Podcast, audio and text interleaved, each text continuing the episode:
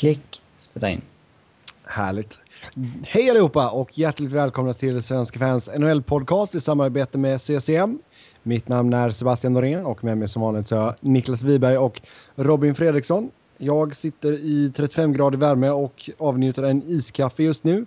Niklas, hur var din dag hemma? Jag vet att du gjorde comeback som eh, fotbollstränare lite kort här. Ja, succé-comeback. Mm. Eh, Växjös Arsene Wenger. Om du menar Wenger för tio år sedan så ja. Robin, vad har du hittat på idag? Ja... Jag har, jag har gjort allt möjligt. Sovit? Allt, allt möjligt och ingenting. Nej, jag har faktiskt varit uppe sedan i morse. Nej, det är duktigt. Det är duktigt. Ha, vi eh, hoppar direkt in på kontrakt, rykten och annat smått och gott. Och Mikael Backlund signar nytt med Calgary, tre år och en cap hit som landar på just under 3,6 miljoner dollar. Eh, Niklas, tycker det var en bra deal för båda parter? Ja, eh, jag skulle väl inte kalla det ett fynd. Eh, och det är ju långt ifrån ett dåligt kontrakt liksom. Utan jag tycker det är ett, ja, ett bra rimligt kontrakt. Eh, han har väl och han kommer väl aldrig riktigt leva upp till all den hype som var kring honom när han eh, breakade liksom här hemma i, i Sverige. Eh, och till och med innan han breakade om man säger så. Men eh, han har ju gått och blivit en väldigt gedigen NHL-spelare. Ja, absolut. Och jag menar med tanke på, alltså, kan man ha någon som andra center eller kanske till och med tredje då, om man skulle lyckas hitta något vettigt eh, här i sommar så tycker jag det ser bra ut. Han gör ett bra jobb. Sen är det klart att han, eh, jag vet inte, det känns, han fick den här, vad hade han, bruten handled eller någonting eh, för ett tag sedan. Och efter det så tycker jag inte han riktigt kom igång, men gör som sagt ett fullgott jobb för Calgary. Ja, jag, jag tycker som sagt det är en bra deal för båda parter. Han får, han får betalt och han får lite längd och de får eh, ett rimligt kontrakt som är hanterbart vad som än skulle hända. Liksom. Robin, har du några synpunkter på Backlund? Eh, 3,5 är väl något högt kanske för en kille som inte gjort 40 poäng men eh, det hade han gjort i år om han inte hade blivit skadad. Så att, eh, det, det, Calgary är ju fortfarande en klubb som kanske tvingas eh, dänga upp lite extra för att behålla spelare där också. Ska man Mm, fast det, det lär väl eh, förändras hyfsat snart kan man väl tro ändå, med tanke på att man gick till slutspel och så här och till en så spelade hyfsat bra mot eh, Anaheim där i andra rundan. Ja, jag, vet. jag tror inte att Calgary är en sån klubb som av, på sportsliga grunder kommer eh, liksom få enklare att locka dit folk. Alltså de kan ju absolut missa slutspel i år igen. Mm, nu vet inte jag exakt hur vädret är i Calgary heller, men Kallt som fan det lär, ja, på vintern lär det ju vara ganska rått. Alltså de har ju lite, vad ska man säga, lite potential för att så småningom kunna locka. Alltså får de eh, Johnny Hockey och Monahan till att verkligen bli eh, en driving force för dem så att säga. Och Bennett och, så vidare och de har en Jordan och lite sånt här. Jag menar de har ju några pusselbitar som eh, faktiskt skulle kunna vara attraktivt att spela med. Om man lyckas få någon form av liksom eh, eh, stabil grund.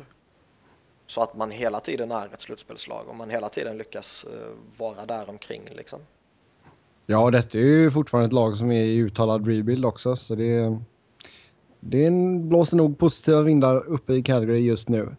Sen, eh, vi stannar i Kanada och eh, Jean-Gabriel Pajot i Ottawa. Två år, 900 000 blir det cap för honom. Ja, eh, det finns väl inget speciellt att säga om honom egentligen. Han kan kriga bra liksom. Eh, den spelartypen kommer alltid vara eh, eftertraktad. Och eh, får man honom på ett sånt här kontrakt så är inte det någon fara. Nej. Alltid coolt när killar spelar i sin hometown. Ja, man kan ju faktiskt chippa in med några mål också. Mm, sen det senaste jag såg angående Devin Dubnyk, det var att man pratar med varandra igen i alla fall. Så det verkar föras en dialog där mellan Minnesota och Devin Dubnyk. Eh, Chicago, vi går in på lite riktigt här nu. Chicago sägs vilja ha en first rounder, A-level prospect och en top 6 forward på entry-level-kontrakt i utbyte för Patrick Sharp. Och eh, alltså spontant kan jag väl känna att det känns som ett ganska högt pris, men det är, det är väl där de vill börja prata i alla fall. Ja, jag tror absolut inte att landa på något sånt. Det låter... Eh, eh, det låter alldeles för mycket. Alltså de, är, de gör ju rätt som uh, sätter ett högt pris till att börja med. Alltså Ja, helt, helt plötsligt kommer det en jävla galning och slänger upp ett uh, galet bud liksom. Eh, jag skulle bli grymt förvånad om de får uh, alla tre pusselbitarna här. Däremot så uh, jag skulle inte bli förvånad om de kan få två av tre. Nej, två av tre kan jag väl mm, köpa i alla fall. Men alltså det här utgångspriset känns, som Robin sa, lite väl högt. Ja, men alltså det, är, är klart man sätter ett högt ut, utgångspris liksom. Det, jag skulle ju- de, de, ja, de sköter ju inte sitt jobb om de inte gör det liksom.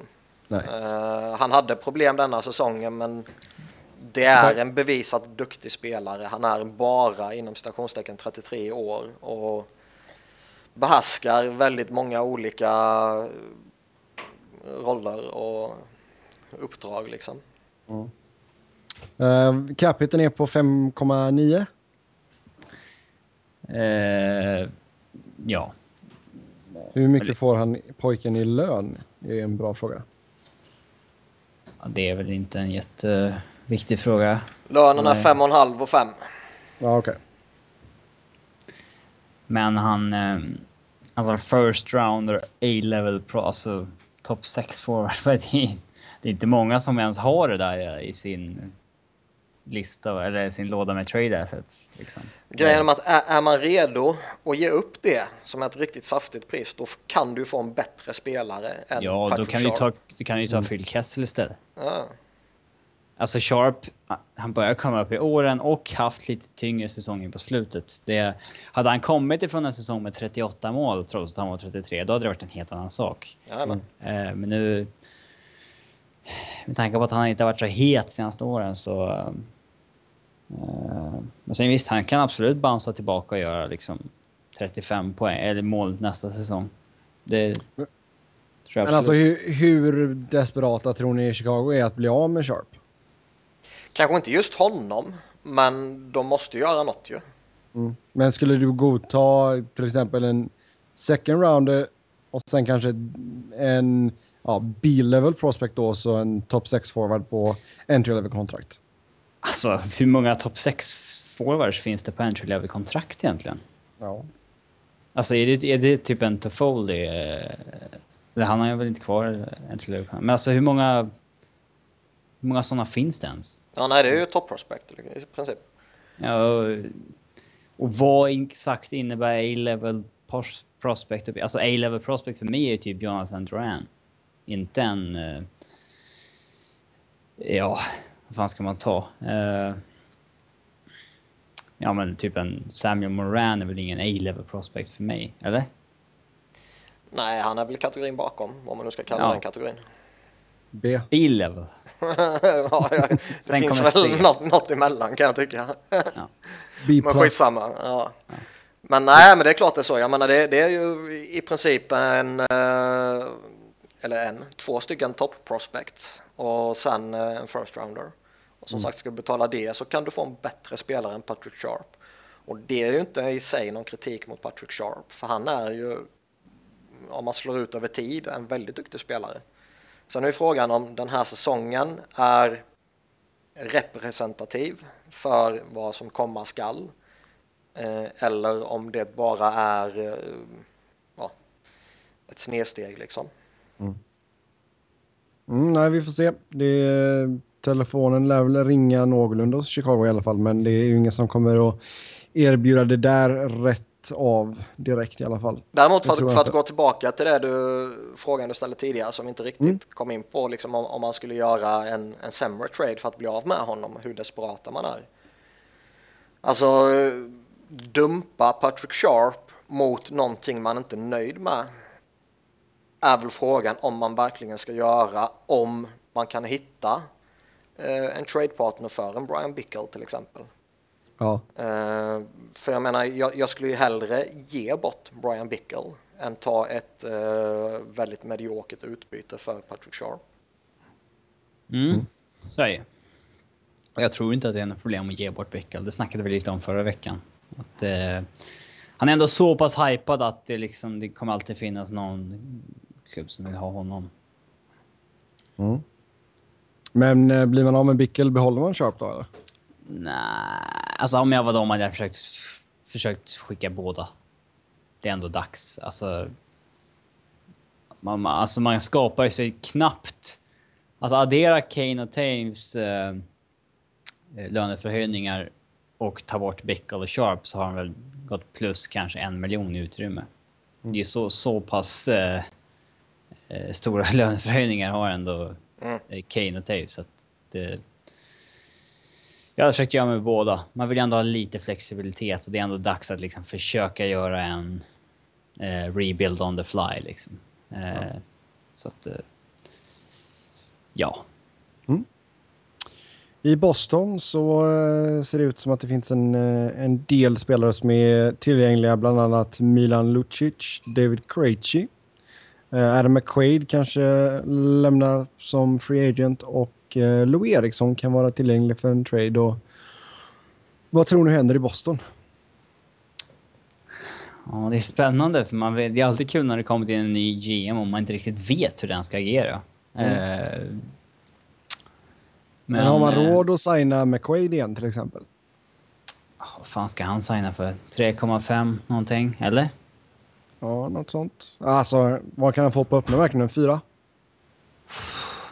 Ja. Kan han få fyra, fyra gånger fyra kanske? Oh, ja, det finns väl alltid någon. Uh... Jag skulle väl uh, starkt överväga att släppa honom om han ska upp på de siffrorna. Uh, man har liksom Dougie Hamilton man måste säkra upp och du betalar vill... redan dyra pengar för Chara och Seidenberg är ju med facit i hand överbetald nu liksom. Och liksom oh, det, man vill inte riskera att hamna i en situation där en Dougie Hamilton offersheetas och man har signat upp en McQuaid som sätter stopp för att man kan matcha det. Mm. det... Nej men alltså oavsett så tror jag väl att de skulle matcha nästan vad som helst på Dougie Hamilton. Ja, han är ju det, de har. Det Sen de är det, klart att det, det är klart att alltså, jag menar, det skulle ställa till andra problem och jag, jag tycker verkligen att Alltså offer sheet diskussionen jag gillar den som fasen och Niklas, du och jag ju, har ju... Diskussionen eller offer sheet? Ja, men alltså offer sheets i allmänhet. Alltså jag tycker att fler klubbar borde använda möjligheten att offersheeta spelare. Jag och Niklas har ju alltid trummat på det att låta en GM, en spelare gå så pass långt då så att de kan bli offersheetade så får de skylla sig själva. Ja. ja, hoppas verkligen att de... Alltså... Landar en kille som Tage Hamilton på... Som RFA första juli, då ska han vara offersheetad inom en kvart liksom. Mm. Det, jag fattar inte varför inte det är... Hela det här att man inte vill göra sig ovänner och sådär tycker jag är så jävla larvigt. Tävlar ju för fan mot varandra. Mm. Ja, ja, herregud. Jag tycker det. Och jag menar, även ifall du kanske bara tror att du har 25 procents chans då att få Hamilton. Säg att du slänger upp ett kontrakt, ja, vad, vad ska vi säga, rimligt 5,5 miljoner om året? Nej, det kommer man inte signa. Sex? Men alltså det, det man måste göra det är att slänga ett sånt fett bud på honom så att det verkligen ställer till det för Boston. Kommer det på, som du säger, 5-5,5 där runt omkring då tror jag de kan vara redo att ta det, liksom, att de skulle vara nöjda med det. 5,5, det var ett drömkontrakt. Ja. Uh, utan man måste kanske upp på liksom, en sjua för att, för att verkligen få dem att nej, vi kanske inte klarar det här. Det ska han ju nästan ha prestationsmässigt. Ja, absolut. Alltså det... Han... Han är ju verkligen blommat ut. Det är inte en... Alltså bara om han diskuterar med Boston så skulle, skulle jag inte tro att han signar för under sex. Absolut inte. Mm. Um. Nej men alltså för det är ju grejen och så även där då. Säg att du slänger upp ett sånt fett kontrakt då. På 7 miljoner. Uh, och så gärna många år då såklart. och Boston matchar det. Ja, det är klart att det kanske är lite mer än vad de hade velat signa honom för och då ställer det ju till andra problem. Så jag menar oavsett så är det ju en win-win för laget som offersheetar en spelare. Ja, Ja. så är det. Sen att den GMen då i Boston skulle bli lite sur på en, ja, liksom vad då då? Ja, men bryr sig. Ja. Alltså, Det- du, du, du kommer alltid ha fiender någonstans i ligan på något sätt. Mm. Eh, Nej men det var, det var liksom någon, eh, Sports Illustrated eh, körde en artikel här, häromdagen och då hade de snackat med någon team executive som de inte namngav såklart. Och han sa det liksom att, ja men alltså, nio av tio general managers i ligan, liksom de skulle matcha. För de vill inte att andra lag ska diktera liksom deras, vad de gör. Men samtidigt offersheetar du och du tvingar ett lag att signa kanske lite högre än vad de hade velat. Då, då dikterar du fortfarande vad de gör. ja. Så jag tyckte det var lite ett konstigt eh, resonemang från den executive, men det, det är ju en helt annan grej. Men eh, för det, jag menar, det finns en sån del, hel del intressanta RFA som jag rimligtvis tycker att man borde offershitta ifall man får chansen. Inte ens Stamkos blev ju offersheetad så... Fan. Det är ju, ja. ja. Det är galet. Men, men, så är det. Det är kanske för många general managers som fortfarande lever bland den här eh, unwritten code. ja, det är tråkigt. Fan, Det är väldigt på, tråkigt. Liksom. Det är ju... är, man, man kan ju hamna i en gyllene sits ju. Ja, ja, herregud. Eh, och jag tycker liksom det som hände med Shea Webber där, liksom, det, det var klockrent. Ja, ja, men sånt är skoj ju. Ha, ska vi gå tillbaka till ursprungsfrågan här då, Boston. Eh, Av de spelarna jag rabblade upp där, förutom McQuaid då, som vi antagligen tror kommer lämna på Free Agency. Eh, Milan Lucic, har han börjat tackla av lite power forward som har kanske lite mycket slitage på kroppen? Det kan ju faktiskt vara läge att eh, casha in på honom. Mm. Eh, han är väl inte på något sätt slut. Det är inte det jag Nej, menar. Eh, det, det tror jag inte någon tycker. Man har ett år kvar på kontraktet, 6 miljoner capita. Ja, och liksom rimligtvis så kommer han ju, han kommer ju definitivt inte bli billigare nästa kontrakt. Och man kan ju trots allt föra diskussioner om att han kanske till och med kommer bli dyrare. Ja, han kommer inte gå ner i lön. Nej, Nej. Han är sin... sen kanske han stannar och jag menar då är det skitsamma. Men, men ska han upp lite till, ja det kanske kan vara läge att och, och casha upp på honom medan han fortfarande är så pass hy- hypad som han är och faktiskt attraktiv. fortfarande är en attraktiv och fullt kompetent spelare. Eh, sen tror jag väl som de flesta powerforwards som har den spelstilen han har och, och så vidare så är det väl bara en tidsfråga innan han kommer börja tackla av. Ja. Två, Eh. tre, fyra år kanske. Ja. Jag menar är det två år, ja då, då är det ju läge att sälja nu. Blir det fyra, fem år, ja då kommer du fortfarande få ut väldigt många bra år av honom. Men så det, så- är- det är ju ja. svårt där. Har de råd liksom att ge ett nytt kontrakt på över sju? Alltså grejen är om vi tittar Vill man på... ge honom över så mycket ens? Liksom? Det, Ja, det vet jag inte. Nej, jag skulle inte göra det. Jag tycker ju han ligger väl på max vad jag skulle betala för honom. Eller för, för en random powerforward om man säger så. Mm. Alltså det är sen det är svårt att... Alltså, han, visst, han hade väl inte det bästa året i år, men alltså... Det, det vet man ju inte ifall det bara var en tillfällighet. I och med att Boston så, som lag inte gick helt hundra, men... ehm, han är ju überjävlig när han är i form. Ja, då är han riktigt jobbig att möta. Och jag menar, Men han alltså- är bara 27 år så. Ja. Men alltså, vi an, alla vi tre antar ju att Doggy Hamilton kommer få betalt. Ganska ja, han rejält. kommer inte spela gratis. Nej. Nej, och sen Tory Krug har ju bara ett år kvar. Han har ju tre- 3,4 i cap just nu. Hur mycket tror ni han kommer vilja ha efter nästa säsong? Det beror på hur han spelar nästa säsong. Eh, men eh, det är en back som ska upp på minst fyra, tror jag. Long term. Mm. Minst alltså. Han ska ha Så det är bättre inte- än Seidenberg. Så det är ju inte bara det att du har problem just nu utan även alltså, inom en snar framtid. Ja, Så, både, eh, både, precis, alltså, precis som i fallet Chicago så släppa både Bickel och Sharp skulle nog göra mycket nytta och här tror jag att skulle, både släppa Louis och Lucic skulle nog göra en hel del nytta. Mm, Louis har ju också ett år kvar på kontraktet, 4,25 i cap hit på honom. Han är 29 år gammal. Sen är det ju så också att eh, att tappa Louis Eriksson till eh, Free Agency nästa sommar vore ju eh, faktiskt ingen katastrof. Även om det givetvis är det ultimata misslyckandet sett till eh, hur traden har gått. Ja. Men eh, en sån spelare liksom tappar honom på free agency, ja då rycker på axlarna nu går vi vidare liksom. Mm. Däremot Milan Lucic vill man väl inte tappa till free agency. Så är, och han har ju bara ett år kvar så det är det vanliga surret jag brukar köra när man kommer till den situationen när det är en framträdande spelare. Antingen förlänger du nu eller så tradar du honom. Jo, men, men absolut. Jag håller med dig om att man ska lösa det i sommar. Men Louis kan du skicka vid trade deadline. Ja, du kommer säkert få någonting för honom. Men säg att inte att liksom, ja, han når UFA-status. Det är ingen liksom. Ingen panik liksom på det sättet. Nej. Men det är ju svagt att tappa Milan Lucic som UFA. Det får ju inte ske. Och Carl Söderberg har vi ju redan skrivit av. Mm. Så ehm, mm, nej, Boston har en del att pussla med där. Ehm, David Krejci då? Alltså han är överbetald, men han är en av eh, två bra topp 6-centra. Det finns väl... Jag har svårt att säga att man skulle hitta något bättre. Och det finns bättre spelare att skicka, så att... Nej, Krejci skulle jag nog hålla kvar.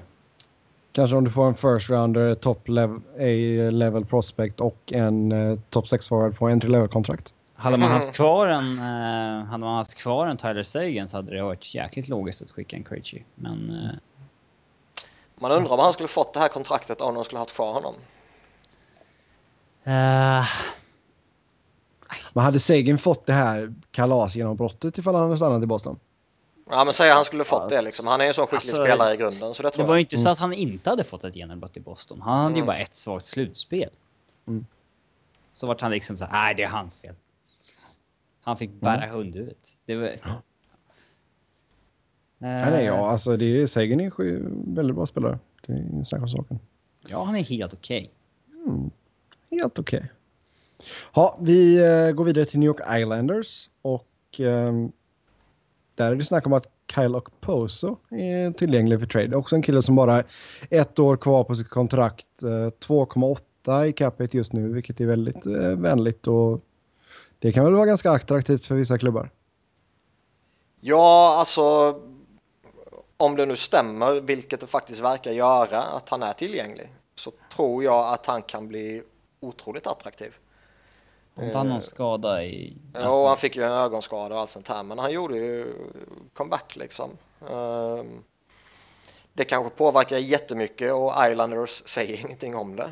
Ehm, Eller har han kanske redan, de kanske försökte förlänga med honom redan nu och eh, han meddelar att nej, jag kommer spela ut det här kontraktet, sen kommer jag testa marknaden.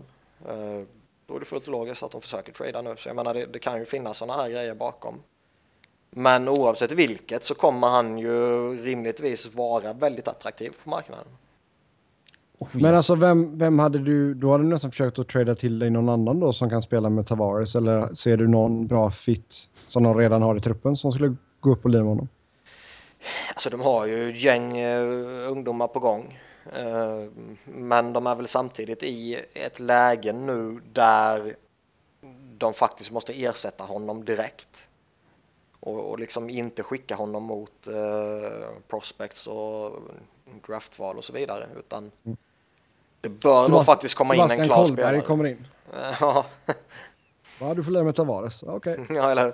Nej, men jag menar, de har ju. Det finns ju väldigt många unga spelare som är redo för eh, nästa steg om man säger så. Ehm, Men jag tror fortfarande att släpper du en sån som Kyle Poser så bör man nog försöka få en. eh, Ja, få hans ersättare i traden så att säga. Sen har man ju även, alltså om vi tittar på några spelare som är inne på sista året här nu, så även eh, Mikael Grabner och eh, Frans Nielsen. Grabner snackas det väl också lite om att man försöker eh, släppa på något sätt kanske. Eh, Nielsen skulle jag ju förlänga med. Ja, Nielsen är bra. Ja, han är mycket skicklig på, på det han gör liksom. Mm. Ehm, men det, är, ja, nej, det ska bli intressant det här med Proso för eh, har han bara fått ordning på, på sitt öga så som sagt då, då bör det vara en spelare som väldigt många lag kommer undersöka. För vilket lag som helst, i princip, kommer ju kunna få in hans 2,8. Ja, ja herregud. Det, Eh, skulle, det märkligaste är ju bara det, det man undrar mest är ju varför han är tillgänglig. Ja, men det är väl som Niklas sa där. Det kan ju vara så att han... eh, De har Ja, det kan vara snackat massa om- saker, men jag undrar vad det är. Det är en jäkla skillnad på vad det är. Ja, Du får ringa honom och fråga. Nej men jag menar det kan ju, det kan ju vara allt ifrån eh, som sagt att ögat är totalt fuckat och de försöker mörka på något sätt och få någon annan att ta problemet. Eh, till en sån här helt random sak att han har sagt att inte han vill vara kvar.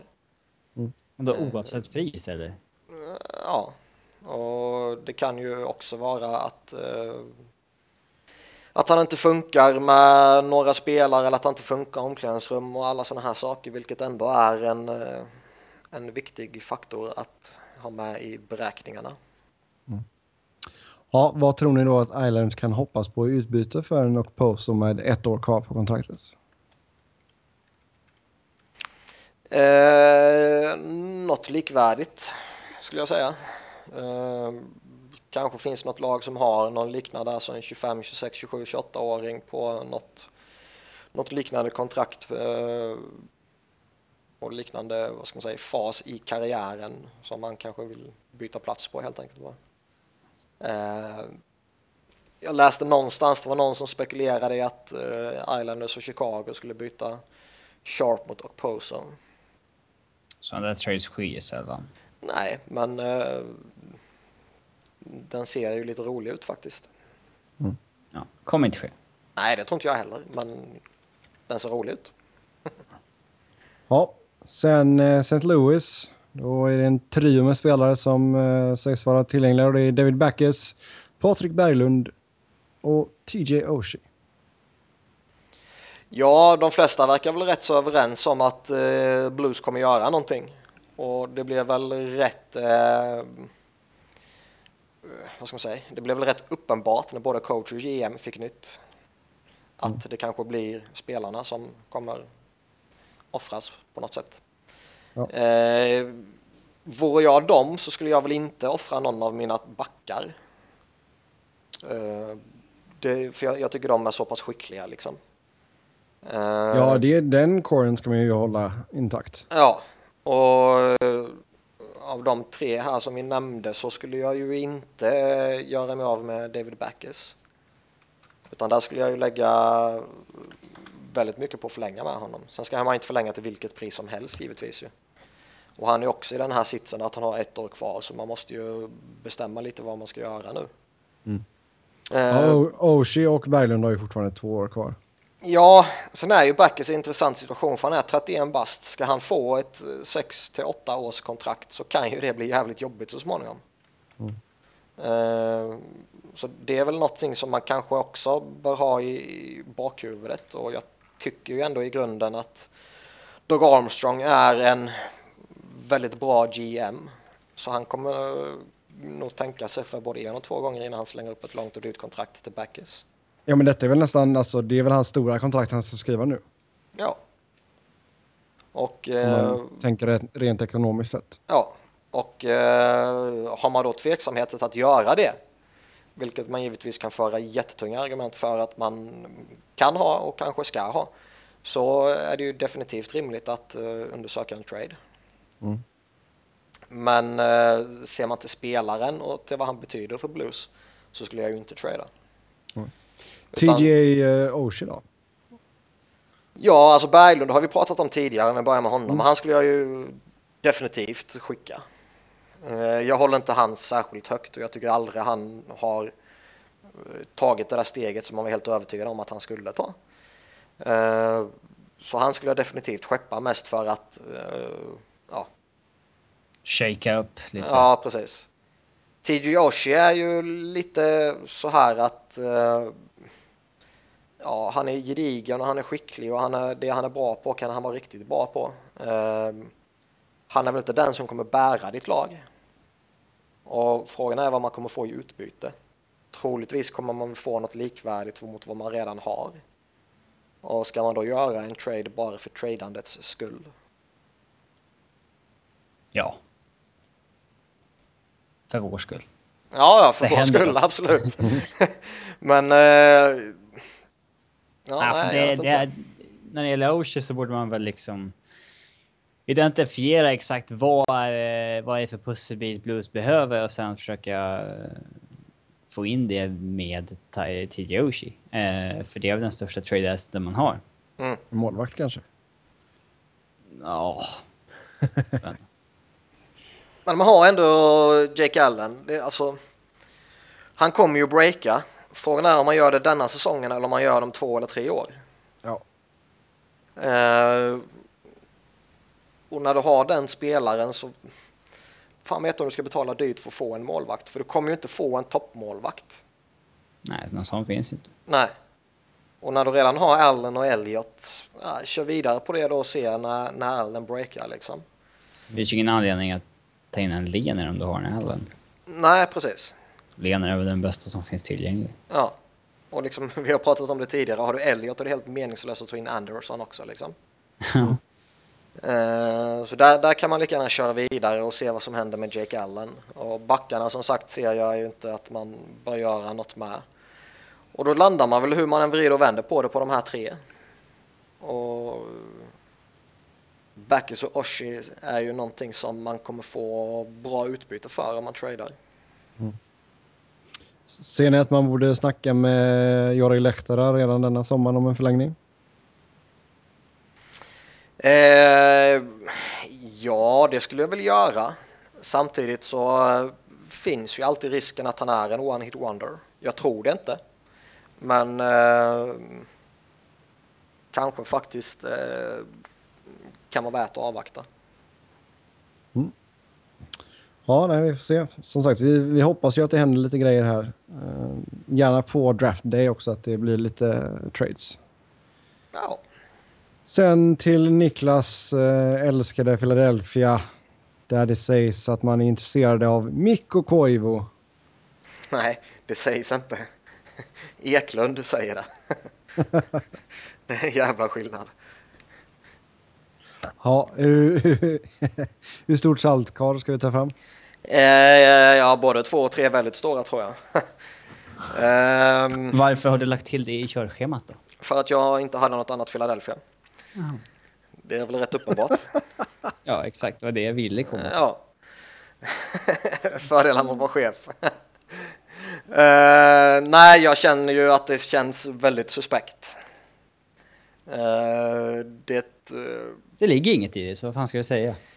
Alltså grejen är att den enda eh, det enda scenariot man kan se är ju så otroligt osannolikt så det kommer ju inte ske. Och det är ju typ att Minnesota blir så totalt desperata i att göra sig av med lön för att typ signa upp Devan Dubnik liksom. Så att man överväger att skeppa, eller skeppa Koivu och Philly skeppar mindre lön så att säga. Du vill inne på att de gör en Clarkson mot Horton-grej här. Hjälper varandra båda två och Philly tar Mikko Koivu och Mini tar Vinilla Cavalier. På Ja, typ något sånt där och sen något, tre miljoner mindre eller vad det är. Ja, och kanske nå, någon annan eller några andra i någon paket liksom. Det är väl det enda scenariot jag kan se och jag ser ju det scenariot som extremt osannolikt. Ja, då borde man kunna lösa det på ett annat sätt Ja, eh, i Mini. ja, exakt. Än att skeppa sin kapten och... Ja. Ja, exakt. För även om han är på klar nedgång så är det ju fortfarande en gedigen spelare och det är ingen som du borde skeppa ut mot skräp eller eh, ingenting liksom. Mm.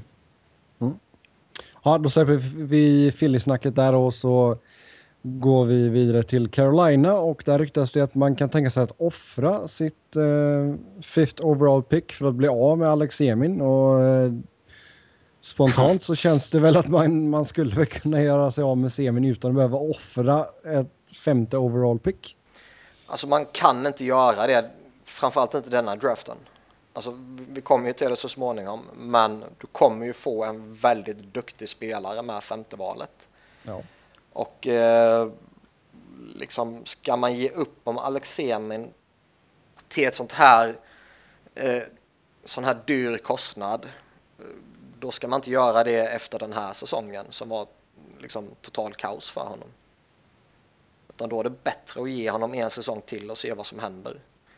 Smäller han in 20-25 mål så helt plötsligt är det kanske någon som är intresserad av han igen.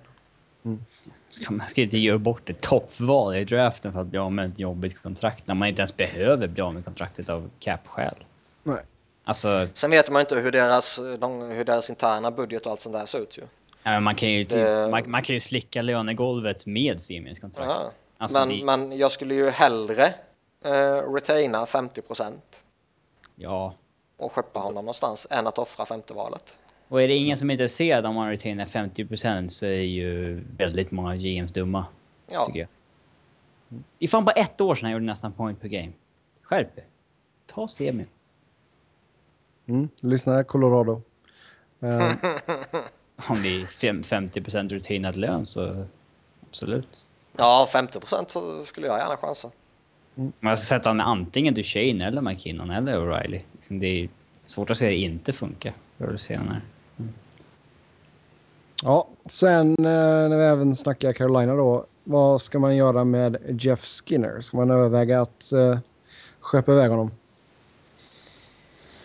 Det är ett intressant scenario för vill man göra någonting eh, i Keynes och bröderna Stahl eh, ja, liksom ska vara kvar och man inte vill eh, eh, vad ska man säga om man inte vill offra sina liksom unga namn eh, då är väl han det stora namnet liksom och han har ju Hans klausuler kickar ju inte igång förrän säsongen 17-18.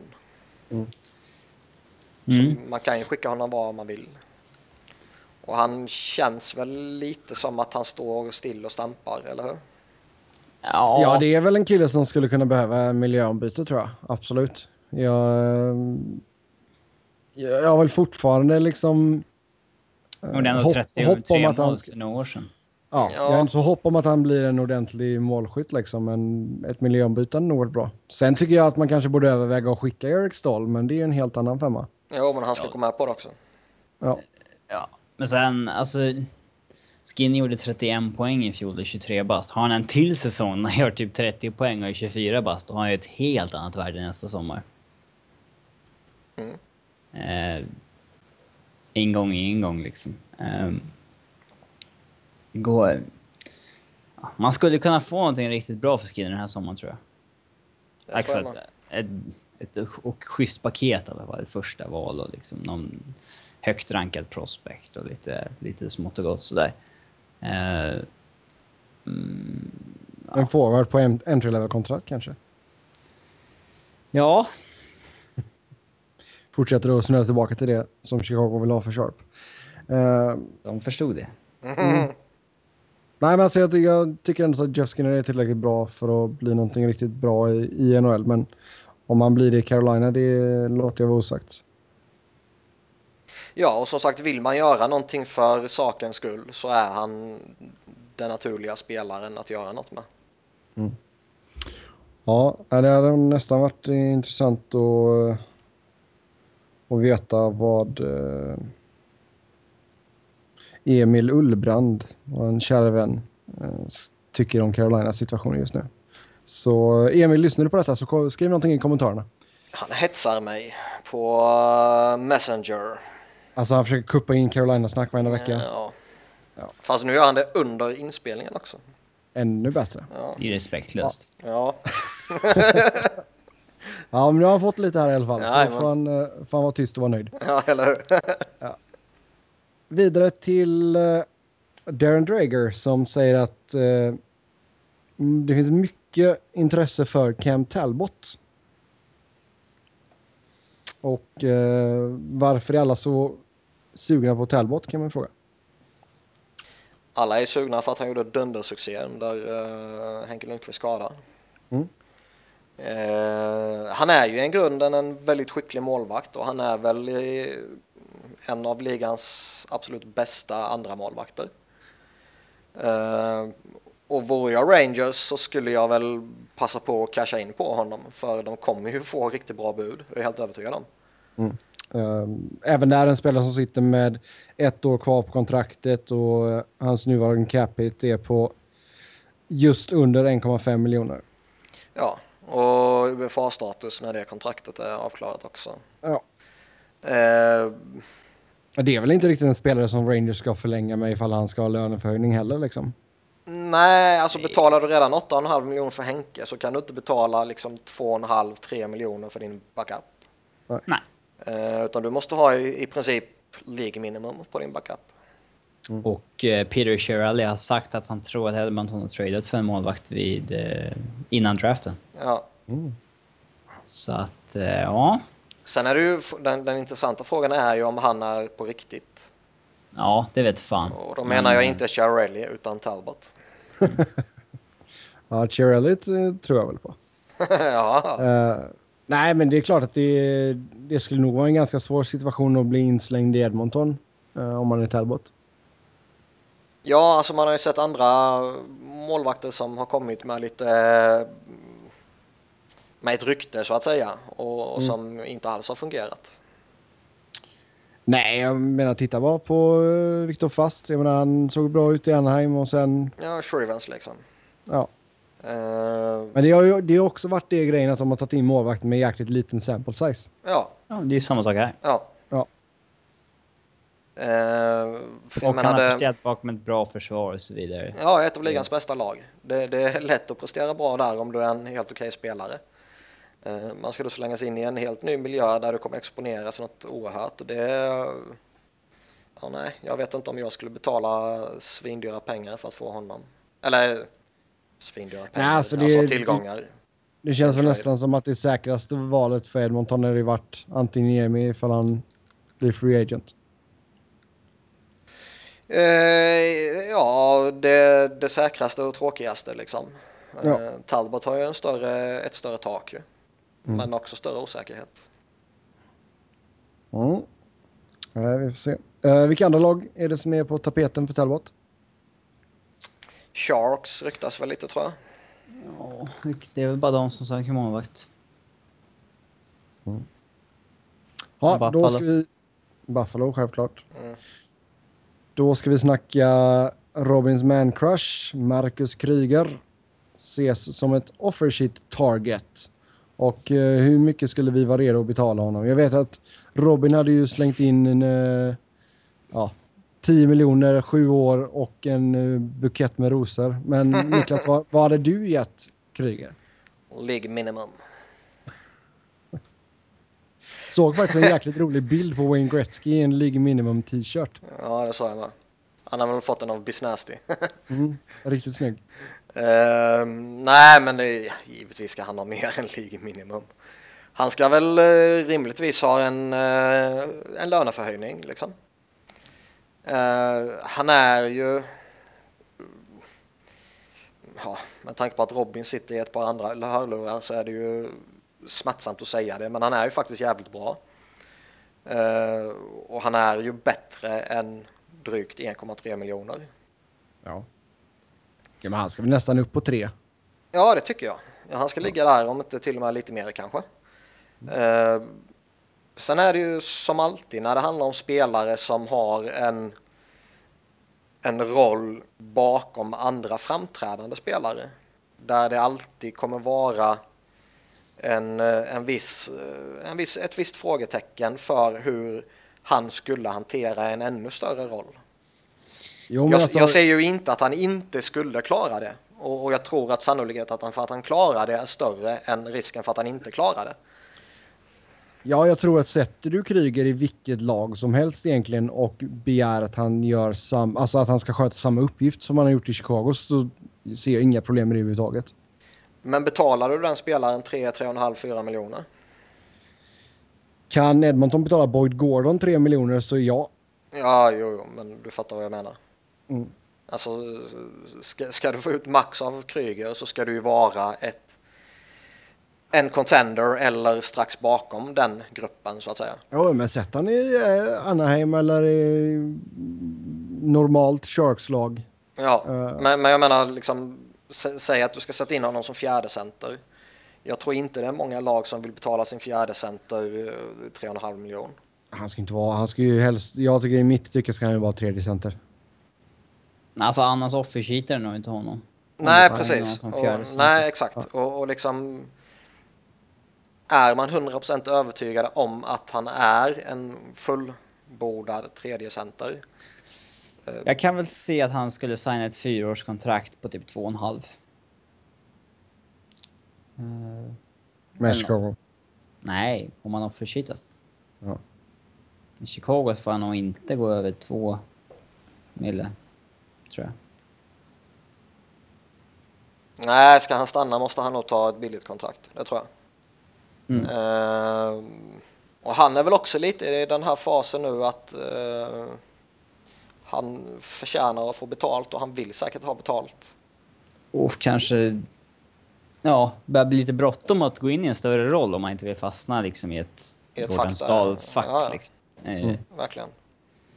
Eh, För han har, Nej. gjort, han har gjort sina hundar i, i Chicago där långt ner i hierarkin nu. Liksom. Det, ska man ta nästa steg så är det läge att göra det nu. hämtat sina Stanley Cups liksom. Eh, Ja, och skapat sig ett namn och en hype och eh, Nu är det dags att casha in och sen liksom. spela golf i maj istället. ja, typ. Ja, det är bra. Robin står och väntar på flygplatsen. Ja, de, Tillbaka... Jag hoppas att han går någon annanstans i alla fall. Det skulle ju vara väldigt intressant att se honom i, en, i ett annat lag i en lite större roll. Ja, För han alltså, är ju som sagt jävligt skicklig på det han gör. Mm. Och när han, innan han kom till NHL så var han ju mer känd som en offensiv spelare. Så att eh, det där defensivspecialisten, det är någonting han har plockat upp i, i NHL. Så att eh, det finns ju någon offensiv potential där någonstans. Ja, Mm. Nej, det är väl en spelare som vi gärna hade sett i, i våra egna lag, så att säga. Ja, alltså det är ju...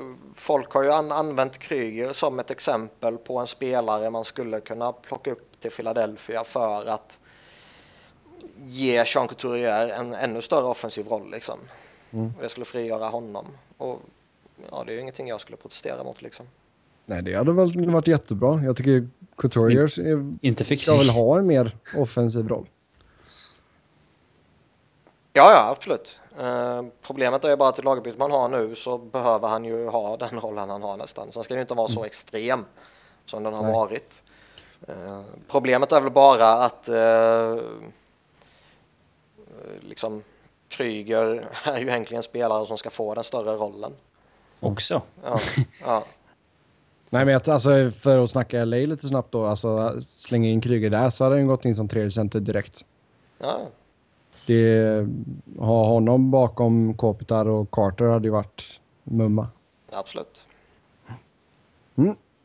Vad hade han fått för roll i Colorado, Robin? Fjärde center, tror jag. Ja. Alltså centerdjupet har de ju så att det... ja.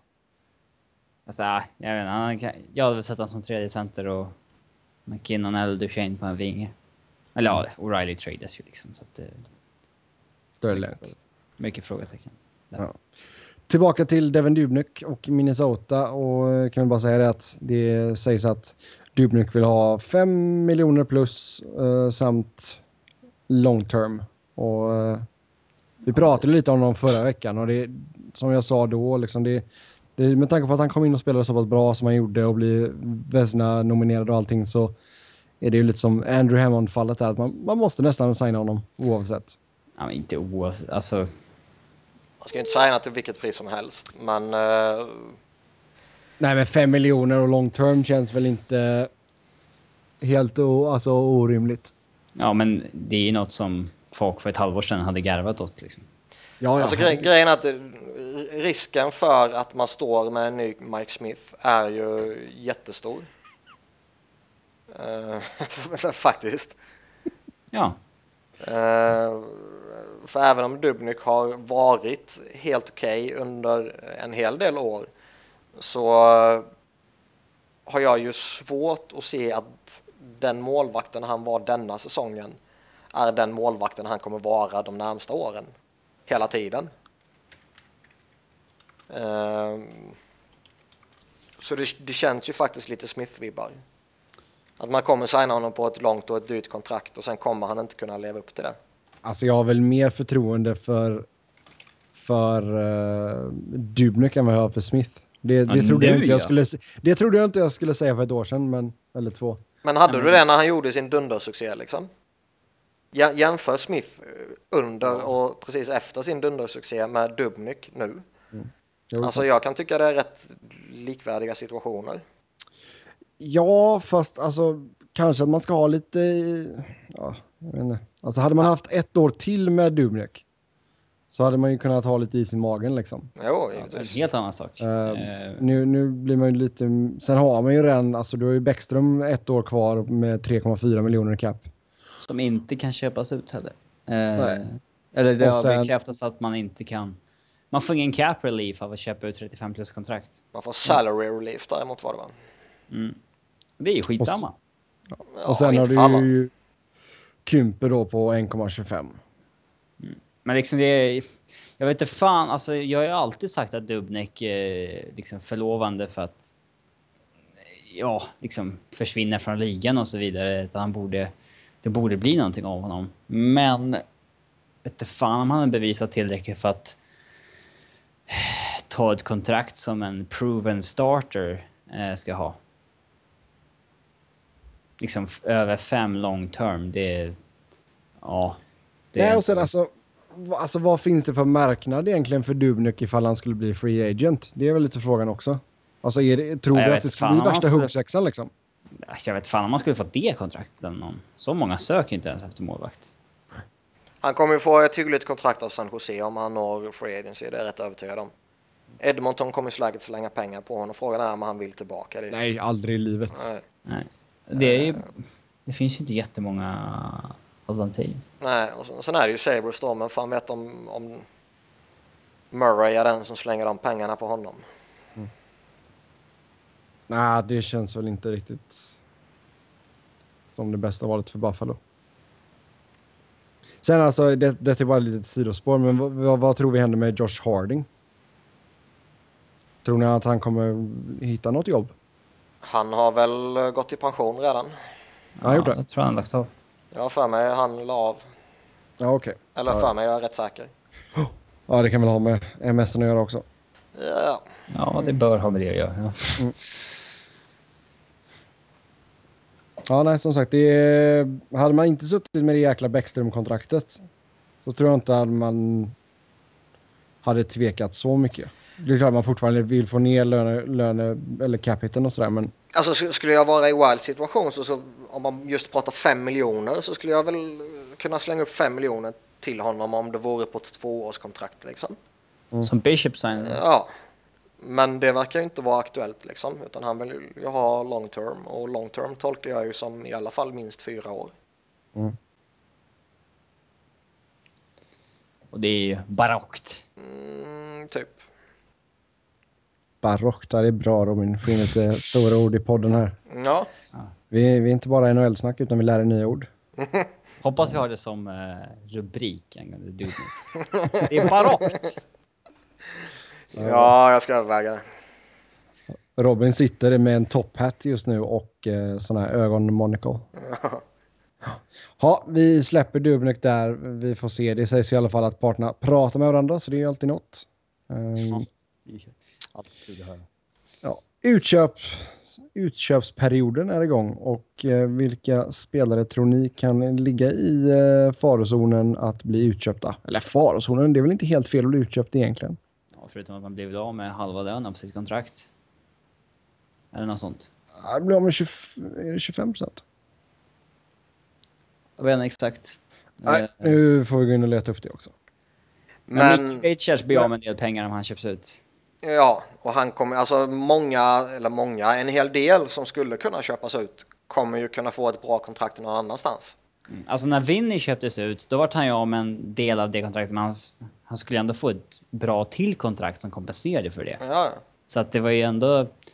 Eh, så han torskade nog inte så mycket pengar på det där. Ja, du får två tredjedelar. mm. Ja. Men säg liksom att... eh, Säg Men att, Richards Car- kommer ju få signa för typ en mille. ja, ja. Säg att Carolina köper ut Alexemi, då tror jag, han, tror jag mycket väl att han kan få ett, ett helt okej kontrakt någonstans. Ja. Alltså, eh, ha, även om men du tar in riskfaktorn och så vidare så är han ju liksom, han är fortfarande för bra för att signa ett år, en miljon. Jo, det blir väl ett år, fyra mille typ. Ja, något sånt där kanske. Men jag, jag tror inte att han får mer än ett år. Nej, men han är ju fortfarande för bra för att liksom inte vara kvar i ligan i många år. Mm. Det är bara det att han är ingen 7 miljoner spelare. Nej. Eh, och liksom... Uh, Mike Richards säger då ja, han kommer ju torska jättemycket pengar och han kommer inte få ett nytt kontrakt. Alltså ett nytt välbetalt kontrakt. Får han ens ett kontrakt? Ja, Eller är det en sån kille som får ta ett, Ja. ett, ett års... han, han är ju... Jag tror att han skulle kunna få eh, två, tre år på två mille om han... Ja, Alltså, han, han är fortfarande en hygglig spelare. Är han verkligen det då? Alltså, han är ju tillräckligt bra för att spela i en, eh, en fjärde kedja liksom. det finns många sämre spelare Ja. i ligan som har... Men titt- Tanner Glass sitter ju på 1,45 eller vad är? Ja. Alltså hans namn kommer ju fortfarande göra att han får ett minst ett kontrakt till. Ja. De kollar på The Shift på YouTube bara. Nej. Nej, fint. Nej men alltså det är jag menar liksom, tittar man på Kings situation så... Så är- alltså det går ju typ inte att trada honom. Nej, de har väl försökt vid det här laget. Jag menar även om du kryddar det och skulle behålla halva så... Nej, det känns lika liksom köpa ut skiten liksom. Ha, hade det gått Ja. att trada så hade det hänt vid det här laget. Ja, Ja. lite så. Så han, han Mm. känns ju faktiskt rätt uppenbar. Eh, det har ju pratats till och från om Cody Hodgson. Buffalo har ju till och med kommenterat det själva och sagt att det är en möjlighet och vi pratade om det förra eller förra, förra veckan ju. Mm. Jag Eh, se varför faktiskt. Ja, jag har jättesvårt också, men eh, jag menar det känns ju ändå som att det är på riktigt spekulationerna. Ja, Eh, Jag skulle ju kunna se att Carolina överväger att köpa ut Alexander Semen faktiskt.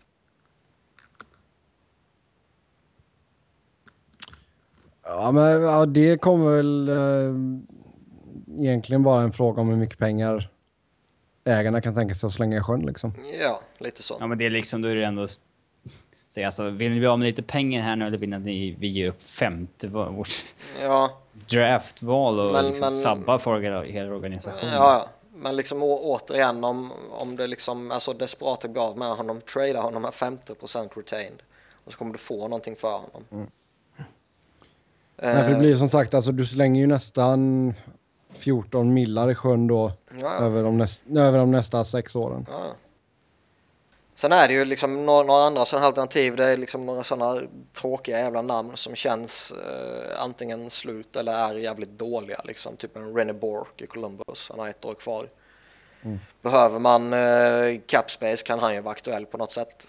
Eh, Några trodde väl att Rezo Berra skulle köpas ut men det har snackats noll om det. eh, Viktor Stålberg liksom. Ja, Fan, den. fan ska Nashville sitta på honom för? Men grejen med utköpningar är att om du inte behöver göra det av cap-skäl, alltså, för, alltså om du är mer eller mindre tvungen att göra det av cap-skäl så finns det ingen anledning att göra det.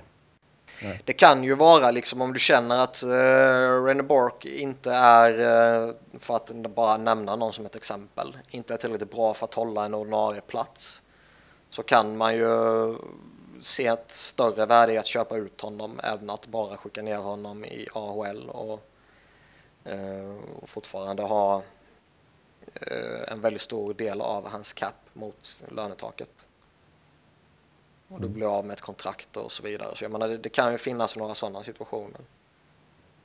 Ja. Ehm, Sen vet man inte Dallas, de kanske tröttnar på Alshemski. Ja, jag vet. Ja, redan. Ja, vem vet. Sen finns det ju några sådana där liksom dörnikar som Tanner Glass. Jag skulle köpa ut honom utan att tänka tanken, men det kommer ju aldrig ske ju. Du kör honom till flygplatsen själv. Ja. Ehm, Han måste lämna New York också. Han får Ja, ja. Ja, nej, nej, nej. Jag, vill, jag betalar dig för att flytta härifrån. Nej men det är så. Och det, det kan, sen finns det några lag som kan eh, liksom ta Chicago om de verkligen hamnar i tokskiten lönemässigt. De kanske helt plötsligt måste överväga att köpa ut Brian Bickle.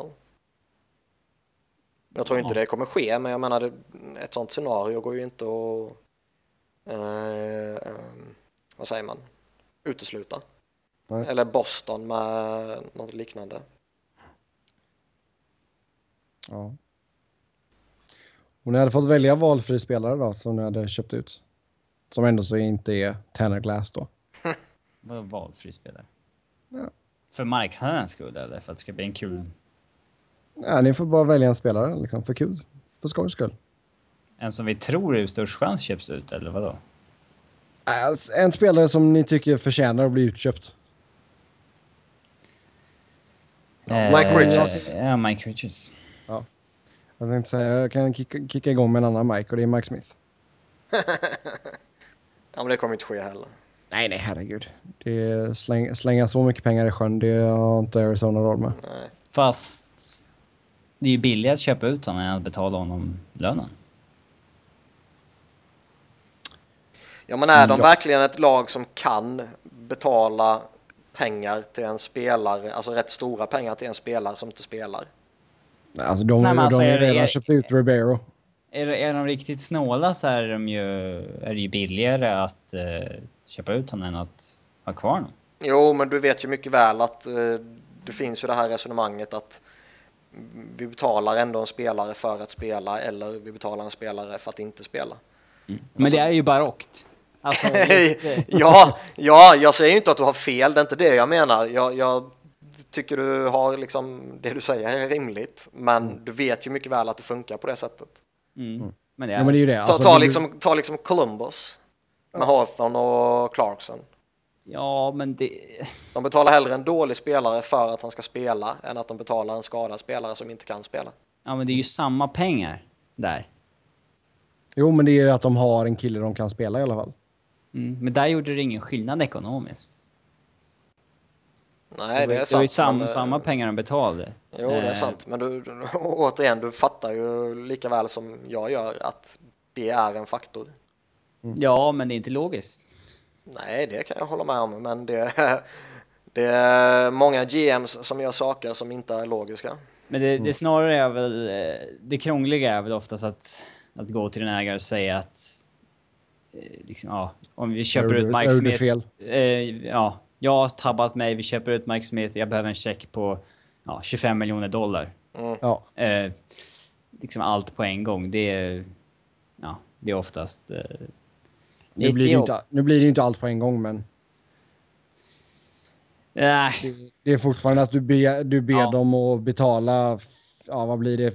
På Smith blir det i runda slängar 14,5 miljoner dollar för honom att inte spela. Ja, och liksom är, är jag, jag håller fortfarande kvar vid det att är du ett, en organisation som har det lite tajt ekonomiskt så så tror jag inte att din GM kommer gå och ragga upp de där pengarna. Nej.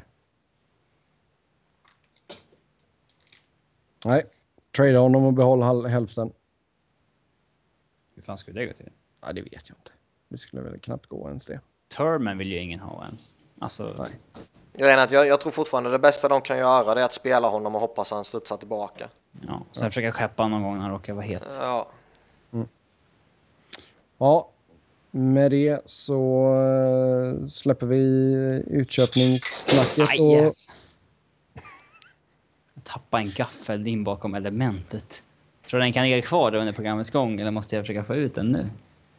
Muta din mick och ta ut den så hoppar jag och Niklas in på nästa ämne. lite snabbt. nej, jag tycker inte du ska muta. Jag tycker du ska fortsätta och så får du Kommentera exakt hur det går ja, till. Ja. Ja. Dammig där bakom. Det är så det blir när du ska försöka balansera en gaffel på din top hat. Nej, jag skulle hämta ut en, eller jag, jag har ju ställt mina energidrycker på fönsterbrädan utanför fönstret så jag når dem och de blir lagom kylda under programmets gång. Skulle jag öppna och ta ut, ta in en burk innanför fönstret och precis innanför fönstret stod min tallrik från där jag hade ätit tidigare och då slog jag till gaffeln så den ramlade ner mellan fönsterbrädan och fönstret in bakom elementet. Fascinerande berättelse. Mm. Hockey. Det är därför du har ett glas med is, så du bara kan hälla din energidryck över.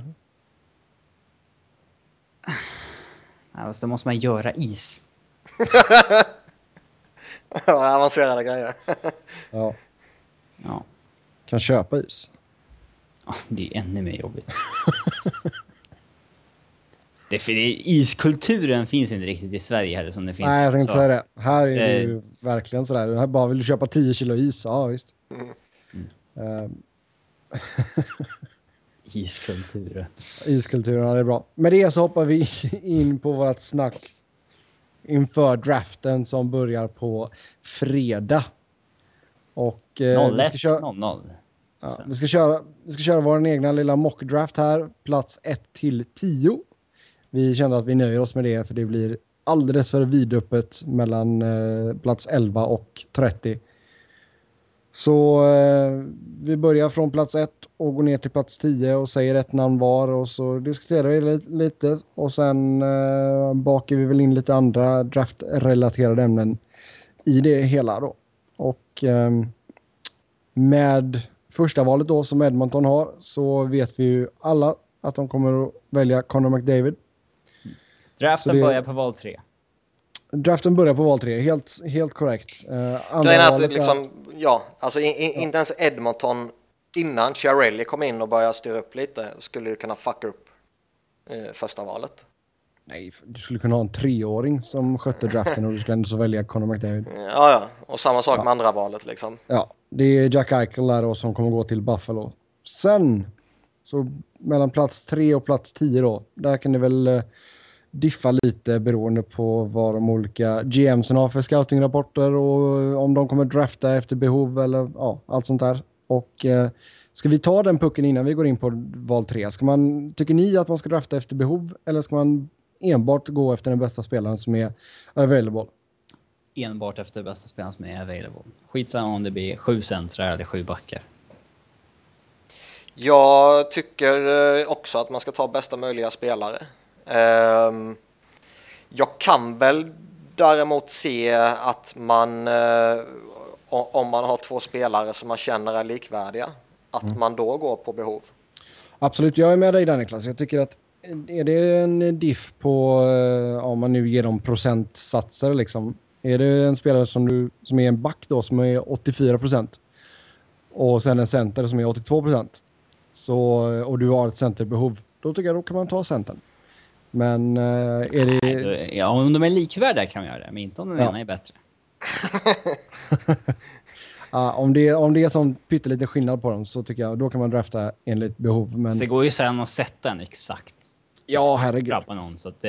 Det är Nej, men jag menar de, de har ju så pass grundliga, förutsätter jag, och i ett fall hoppas, så pass grundliga förberedelser så att de vet eh, att han och han är rätt jämnvärdiga. Ja, alltså, Men det- ofta så hamnar ju spelarna i liksom grupper. Du har en toppgrupp, sen har du en grupp under det, ett skick, sen kommer det liksom... Det är sällan så att det är så att... Ja, ja, så är det här också. Ja. Nej, men jag tycker ju att varje lag borde ha spaltmetrar med spreadsheets och allt möjligt här nu inför draften. Ja. Ja, det tror jag de har. Så jag, jag, jag kan köpa ju att man går efter behov om man hittar två eller tre eller sju spelare där alla känns likvärdiga. Jag kan, t- jag kan... Om man ska gå efter behov så tycker jag att man kan göra det i typ topp tre. Om man väljer mellan killar man vet kommer bli superstjärnor. Alltså, Ja, ja, herregud. som när Avs hade sitt val och valde mellan liksom, antingen tar vi en back i Seth Jones eller så tar vi en forward i Duran eller så tar vi en center i McKinnon. Där kan jag tänka så okej vad är det vi behöver? Eh, men går man Man liksom... behövde ju en back. Ja, eh, men om man sen går liksom i nedre rundorna, där tycker jag att man bara ska gå efter den som har störst uppsida hela tiden. Ja, absolut. Eh, Ja, det, det är helt och hållet. väl, därför står det väl mig lite att Colorado har en uttalad filosofi om att göra tvärtom. Man kommer gå efter best player available i första rundan och drafta efter need i de nedre rundorna. Mm. Fan, ja, jag, det är typ som att de tror att eh, draften är free agency. Att alla spelare kommer eh, nå hela vägen. Mm. Återigen barockt. Det, Nu får du hitta på något annat nu, du börjar bli uttjatat. eh, ja, Gå in på synonymer.se. ja, skriver barockt. eh, men de... Eh, Ja, Patrick Raw har ju sågat deras förra scout, eh, chefscout Rick Pracy som fick sparken under eh, eh, av Raw. För att han till exempel tog Tyson Barry när de redan hade tagit en offensiv back i samma runda. Och det är så här, Ja, jag, jag förstår inte den tankegången alls. Ja, vi eh, hoppar in då på val tre eftersom Conor McDavid och Jack Eichel går etta respektive tvåa då. Um, Arizona har tredje valet. Vi förutsätter här också att inget lag byter bort sitt val. Mm. Kan vi väl tillägga också. Jag har Så, lite eh, trader i min mockdraft. Ja, exakt. exakt. Så eh, Arizona. Eh, jag tar och börjar här och jag tror att man går med Dylan Strom. Center från Erie Otters. Jag tror att det där är att de... Eh, jag tror att det där är eh, en smokescreen, så att säga. Jag tror att de kommer ta Hannifin trots allt. Han är en av den killen som är klar trea på mångas listor. Jag tror inte att de kan pass up på honom. Jag eh, når ner lite på Sebbes eh, väg faktiskt. Mm. Eh, Hannifin kommer ju bli eh, väldigt duktig, jag är helt övertygad om. Men eh, Dylan Snack- Strom skulle tilltala mig jävligt hårt. Snackar vi need så är ju Strom eh, bättre. Ja. men jag, tror att, jag, jag tror att Hannifin kan nog bli lite alltså, Seth Jones. Att han droppar några placeringar. Ja, ja faktiskt. Ja, jag är, vilket ni kanske märker, är inne på det också så småningom. Ja. Ehm, Var han som sjua eller? Till nej, Flyers? nej. Nej. Men, eh, förväg. men, men han kan ju, som du säger, droppa av lite. Och, Det kan gå eh, när som helst mellan tre och fem. Ja, typ. Eh, och jag tror liksom att... Jag tror att Coyotes kommer gå efter en, uh, en center. Och då Det är är det, så väl att det- det är Dylan lite efter-. Det är lite efter behov. Ja, Ja. Jag, jag tror de kommer göra det. För de har liksom ändå... Alltså... Jag säger inte att det är rätt att göra det liksom, men jag är rätt så övertygad om att de kommer gå efter behov här för att de har ändå i mitt tycke det är helt okej ställt med eh, wingers eh, och backar. Mm. Om man snackar eh, prospects och så har Ja. du liksom en eh, Oliver Ekman Larsson som du kan bygga på i tio år. Mm. Eh, så där, där känns det lite som att de, nej, men de plockar nog en center. Ja. Alltså, Eh, Robin, när, när de har, de har lite, där? Ja, Hannifin. ja. Och de har ju liksom Domi och Duclair då också. Eh, Ja, du har Domi, Duclair, Perlini. Ja, och liksom framf framförallt de Dvorak. två första vill du ju gärna slänga in en center till. Ja, absolut. Ja, val nummer fyra, Toronto. Niklas, då får du börja där. Får jag börja? Jag säger eh, Mitch Marner. Jag har Ja. också Mitch Marner. Har jag med. Ontario boy. Ja. Ja. Och lite samma sak där. Jag tror de kommer ha behov av att hitta någon som kan lira center. Okej, Ja, men det kän- Ontario känns- boy. Sen känns det väl som att Toronto kommer ta en back sen med sitt andra... De var väl två första val, va? Ja, de har ju Nashvilles också. Då blir det en back där, vet du. Eh, Ja, det är inte alls omöjligt. Eh, och, och Marner är väl... eh, det, det enda som talar emot att de skulle välja honom är väl att han är förhållandevis liten. Sen samtidigt så har de ju fått in lite den här nya generationen på lite bestämmande platser i Toronto. Så de kanske skiter fullkomligt i det. Får väl hoppas lite på det, va? Jag tycker att det kommer fler och fler spelare som motbevisar det här med att man måste Ja, vara exakt. stor. Lite så. Ja, jag, som sagt, jag är inne på samma spår som dig där. Eh, Robin, du hade också Marner. Ja. Ehm, motivering till det? Eller är det Ontario bara boy. Ontario Boy? Det är okej, ja, det är bra. Vi Nej, lämnar men det där då. det, det, det står ju mellan honom och Strom. Eh, då tror jag att det blir Marner. Mm. Det är efter Strom det verkar vara ett litet hopp ner till resten. Ja, eh, Carolina då, femte. Där eh, antar jag väl att jag och Niklas säger Noah Hannifin. Mm. Och jag säger Strom, den som är kvar av Ja. Där, I gruppen bakom... eh, Ja, i gruppen av tre bakom McDavid och Eichel. Ja. Mm. Det är den som är kvar helt enkelt. Så att det är inte så mycket att motivera direkt. Nej, men samma sak där. Jag tror de här tre kommer gå eh, 3, 4, 5.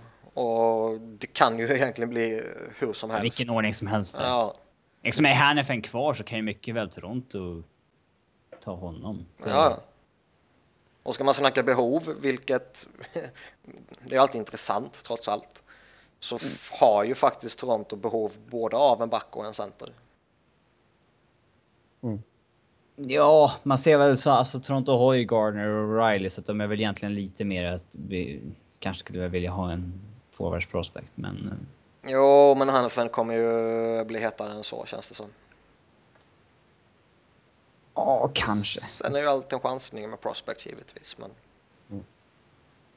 Ja, eh, vi går vidare till eh, plats 6, eller val 6. Och där hittar vi New Jersey.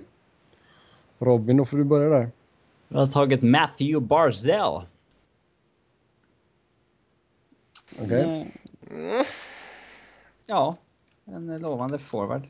Center främst va? För mig. Eh, ja. Jag jag säger Pavel Sac. Mm, Zacka. Det har ju, det har ju tuggats lite om honom att det kan vara aktuellt. Mm. Och han känns ju lite som en, eh, faktiskt en snubbe som Devils skulle plocka in. Eh, det finns Tjecker. the check connection liksom. Mm. Man kan rimligt Ja. plocka in honom och låta Elias liksom skola upp honom typ. Nej, jag tror eh, Ivan Provorov hamnar i New Jersey. Ja, det var väl de två jag satt och valde mellan där faktiskt. Eh, tror att han kan bli riktigt bra. Det, det är klart, Devils har lite alltså, bra unga backar, men jag tror inte man kan tacka nej till Provorov där. Går man efter behov här så behöver de definitivt inte en back. Nej. De har ju fyra bra unga backar och egentligen ingenting på forwardsidan i prospectväg. Eh, Det går alltid att trada av de unga backarna och få något bra. Mm. Nej men snackar vi behov så är ju den extremaste situationen hittills. Mm. Eh, eller den extremaste situationen vi kommer snacka om idag då vad det gäller ett, ett behov åt en viss position. Ja. ja, det var kul att vi hade olika valare i alla fall, får man ju säga. Ja. Tänk om vi hade haft exakt eh, samma lista allihop. Ja, det, hade varit, jäv... det hade varit så extremt tråkigt. Uh, sjunde valet då, Philadelphia Flyers. De Niklas, tar, du, Niklas, du får gå sist här faktiskt. Ja. Okej. De tar. Tom Wilson 2.0. Lawson Kraus. Lawson Krause, ja. Ja, nej. Tror du det verkligen? Ja! Okej. Han är, han är born to be a flyer. Han verkar ju helt CP-störd. alltså, ja. Men det är lite Tom Wilson, alltså det är som, det ryktades ju att de var riktigt heta på Tom Ja. Wilson också. Eh, Det är, de gillar, alltså trots att det är lite nytänk i Philly så är det ändå, mm, Cruise är ju urtypen för hur en flyer ska vara. de ju. med hjärtat. Ja. Han har ju haft lite avstängningar och sånt där och det, det påminner väl lite om när Landeskog skulle draftas. Eh, att det är en power forward som har varit man against boys i juniorligan men de vet inte riktigt huruvida han har offensiven som krävs för att liksom eh, ja, bli mer än vad en Tom Wilson är i NHL. Nej, men det är det. Antingen blir han en power forward och en first liner eller så blir han en random checker. Ja, antingen, ja, antingen eller med en Landeskog eller Wilson liksom. Ja, Eh, Något däremellan. Och, ja.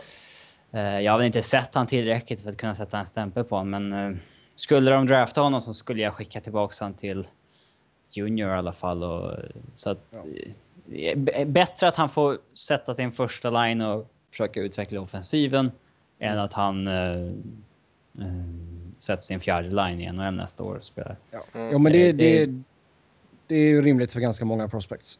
Jag kan, jag kan, man kan absolut se att han slängs in i NHL för att han kan göra ett jobb. Alltså han...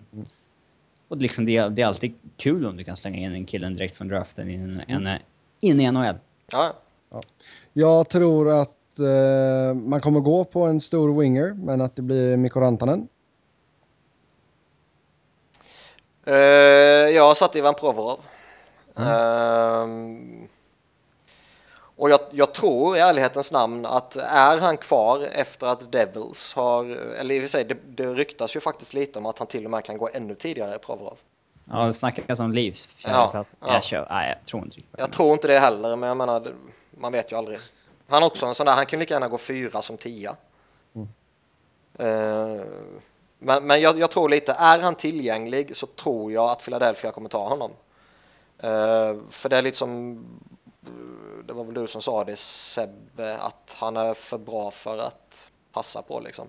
Ja, men jag tror inte han kommer vara kvar och därför så tar ni Mikko Rantanen. Som eh, mm, skulle kanske kunna ta en plats direkt.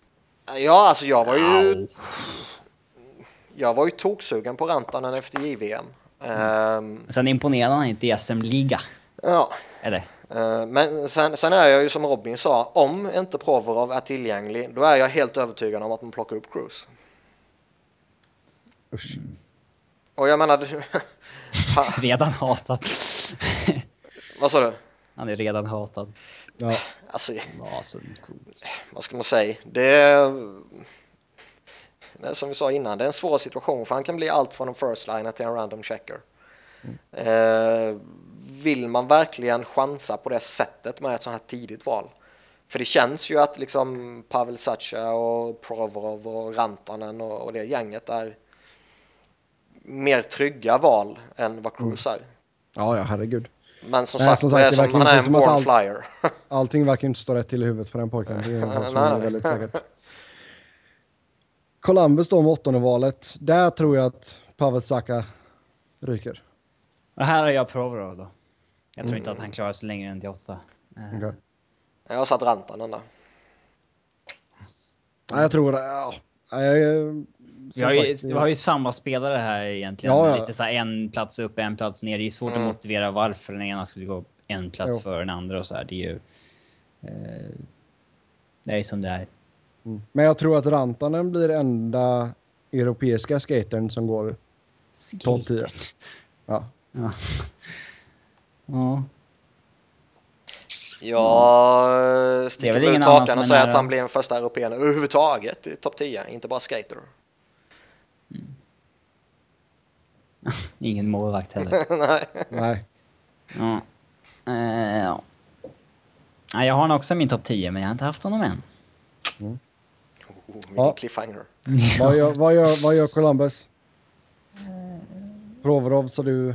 Ja, jag sa Provorov. Och jag sa Rantanen. Rantanen sa det, just det. Just det. Ja, San Jose då på nionde. De tar Rantanen. Tar de Ja. Rantanen? Ja. Mm, Nej, nej, de tar Zach Baranski. Ja, jag var lite inne på det också. Men eh, jag valde med Rantanen och Warinsky, men jag tror att det blir Rantanen. Mm. Nej, jag tror jag, jag, de kommer nog gå efter en back tror jag. Ja, jag är inne på ditt uh, spår där Niklas. Det, det blir Warinsky. Hur gick det där finska skolgårdsskämtet förut med, vad hette Finlands sämsta boxare? Var det som var ranta runt i ringen? Ja, Tänker på det varje gång ni ser Rantanen. det är bra. Och Hacki Hädenen, sämsta skidåkare. Jajamän. Maski Hallonen, sämsta bärplockaren. Ja, herregud. Ja, eh, bra. Plocka Förlåt fram din alla- jävla gaffel nu istället. Ja, ja, förlåt till alla finlandssvenska lyssnare här. Ehm, Ja, sen då Colorado på tionde. De tar Pavel Saka. Det sägs att de gillar honom. Det är ju sånt önsketänk från dig här nu va? Att han ska droppa Nej, jag vill, inte, jag vill inte ha honom. Eh, jag hoppas på en Provorov eller en eh, Warinsky tror jag. Eh, jag skulle hellre ta Rantanen än Saka. Eh, jag har inte sett Saka särskilt högt upp på många listor faktiskt. Men Jag har satt uh, Larson Cruz på tionde valet. ja, han tror jag definitivt de tar om han är kvar. Han Eh, känns ju också, liksom, är han en born flyer så känns han ju liksom urtypen för en Patrick Roy också. Ja. Mm. Så är det. De, kan inte de två hamna i gräl på en träning eller någonting? eller under match. Under match. Roa slänger en vattenflaska på honom och säger till honom att gå in i omklädningsrummet. Eh, nej, jag säger uh, Timo Meyer. Va? Mm. Det är en Det, det blir- chockerande... ja, det blir min sån här wi- wild pick där. Han går in som tia.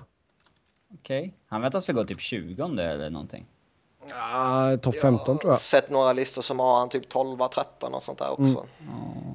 Men alltså det är Alltså det är ju här, det är nu när man börjar komma ner på tionde valet som det börjar öppnas upp lite också. Du Ja, har ju topp två är givet och sen tre till fem är rätt givet tror jag.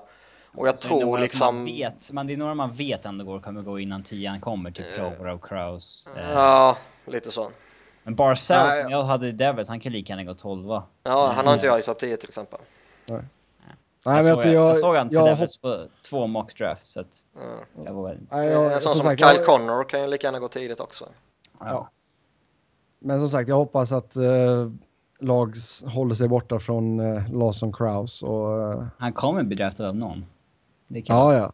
Det, det, det är mycket möjligt. Så länge han inte gått, så länge han inte gått till Kings så får jag vara nöjd. Eh, nej, Timo. Som sagt, det är lite utanför out of the box, men eh, en power forward det också som kanske inte är, är lika instabil i huvudet. Hater. Mm. Så det var våran topp 10. Ni är självklart välkomna att göra era egna mockdrafts. Ni kan göra 1-10 som vi gjorde eller köra hela första rundan. Det är, det är bara att skriva på i kommentarerna. Tror vi att någon målvakt kommer gå tidigt?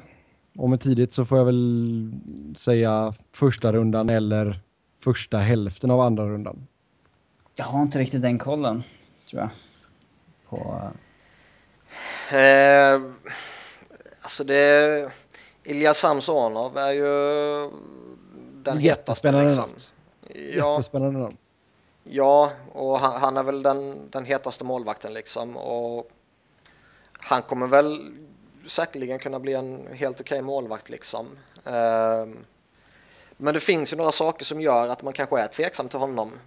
Dels är han ryss och jag tror det kommer påverka. Eh, liksom, det finns en sån som Provorov som också är ryss, men där ryssfaktorn är ett mindre problem med tanke på att han har gjort jävligt många år i Nordamerika. Han flyttade väl hit när han var typ 12 eller något sånt här, tror jag.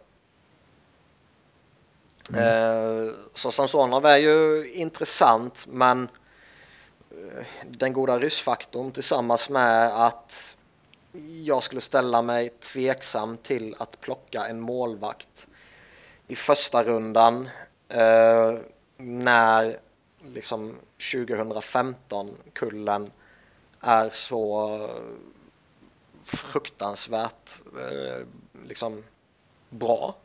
Mm. Det, jag, jag tror väldigt många lag kommer vara för rädda för det om man hellre tar ett, ett mer safe pick eh, på en forward eller back. Nej, alltså jag tror mycket väl att det kan dröja till ganska sent i andra rundan eller tredje rundan innan första målvakten går. Ja, någonstans i andra rundan där liksom. På Calle-style. Mm.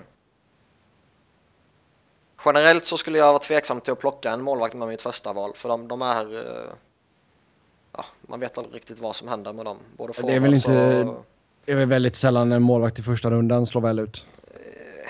Ja, det kan gå lite hur som helst i alla fall. Uh, Carey for, Price. forwards och backar har man ju... Rick DiPietro. Kontrar jag med då?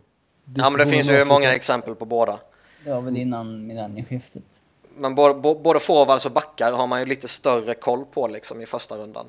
Ja, det är till och med snackas om att skjuta upp draftåldern för målvakter. Liksom, Ja. För att det är för tidigt att drafta dem då. Ja. Eh, Så att, eh, ja. Hur många svenskar går det i första rundan då? Två. En? Oj. En, två? Ja, en, två. Eriksson, Ek och Kyllington. Eller Kyllington, förlåt. Jag har sett Jakob Larsson från Jakob Frölunda Larsson, ja. på, nej, från, så från, på nummer 30 på någon lista, men Mm. ja. Jag är Men lite förvånad att, Kylington kan väl bli ett sånt riktigt kap för någon i, i andra rundan. ja om vi ska prata årets fynd senare så kommer vi komma till honom. Ja, då går vi in på det. Årets fynd. Eh, jag tänker jag på Oliver Kylington. eh, och det är att han, liksom för ett år sedan snackades han om i samma andetag som Noah Hannifin. Han skulle gå liksom trea eventuellt på många Ja. listor. Eh, och visst, han har missat i VM på grund av en skada och eh, hade ett allmänt kaosartat år med utlåningar Mm. fram och tillbaka. Så där fick ingen kontinuitet. Men alltså, Hur, hur mycket tror du att det spelar in då att han missade JVM? ja det spelar in. Men det, det är inte det att han sjunker, men det är det att andra som visade upp sig stiger. Och därmed sjunker honom. Eh, jag tycker inte att hans år har varit så kaosartat att han förtjänar att gå från typ fyra på listan till, till andra rundan liksom, som vissa har honom i. Det, han kan, alltså, Är han kvar på 29, med Flyers 29 val skulle jag plocka honom direkt. då skulle det bli jättearg om de inte såg honom. Eh, Det beror ju på lite. Jag menar, är Colin White tillgänglig där så har jag börjat tilltalas en del av honom liksom. Ja, Så jag skulle Nej. inte bli arg, men eh, eh, det här är ju en sån som Shillington som han liksom, är han tillgänglig så sent, då tar du honom. Taket är för högt för, Ja. att, ska, för att han ska falla till en Ja. runda. Det vore... Han, han, han kan ju mer eller mindre bli... Återigen, liksom, ja. Eh. Han kan ju bli en Erik Karlsson light liksom. Mm. Ehm, och ja, det... Nej, det, han ska inte falla så långt. Men jag vet inte hur... Hur långt han faktiskt kan falla liksom om... Hur bra kollar Håkan Andersson på en sån kille? Låter han den glida förbi honom? Eh, jag vet inte. Det, han har väl lite... Vi snackar om lite så off-ice issues och sånt där men... Talangen är för stor. Ja, men vad fan, tar du in honom till Detroit och sätter han med Kronwall, att han får bo hos Kronwall ett tag så blir det inga problem. Stackars Kronwall. Pappa, Kron, pappa Kronwall. Ja, kanske. Men Joel Eriksson Ek kommer ju gå före honom verkar det som. Men han har jag... Så jag har väl sett honom några gånger men jag har väl aldrig höjt på ögonbrynen riktigt liksom. Ja, eh, sista frågan här då. Vem utöver topp två är draftens mest säkra spelare? Alltså, vem är det som verkligen kommer bli en, en riktigt bra NHL-kille av de här? Alltså, Lawson Cruz. ja, alltså han är ju både ett säkert... Han är ju både ett säkert val och ett eh, osäkert val liksom. Man vet ju inte vad han står offensivt men... Du kommer få en NHL-spelare, så Ja, mycket kan man ju säga. På, och på på det är han ju jävligt safe. Så, som sen så blir det ju en Tom, Tom Wilson liksom. Men eh, alltså alla de som, alla, alla, alla de här tre vi pratade om som kommer gå 3, 4, 5 Ja. Alla de känner jag mig ju väldigt övertygad om. Alltså Hanfin, Marner och Strom. Rantanen är man inte övertygad om. Det kan lika gärna bli en Joel Armé. Ja, Eh, så, men även, jag gillade honom som fan under JVM. Ja, nej, vi får se. Vi får se, vi får se. Med det så tackar vi för idag. Som vanligt så kan ni köta hockey med oss via Twitter. Mig hittar ni på att Noren. Robin hittar ni på R underscore Fredriksson. Och Niklas hittar ni på att Niklas Wiberg, Niklas med C och Wiberg med enkel V. Tills nästa gång, ha det gött. Hej! nej.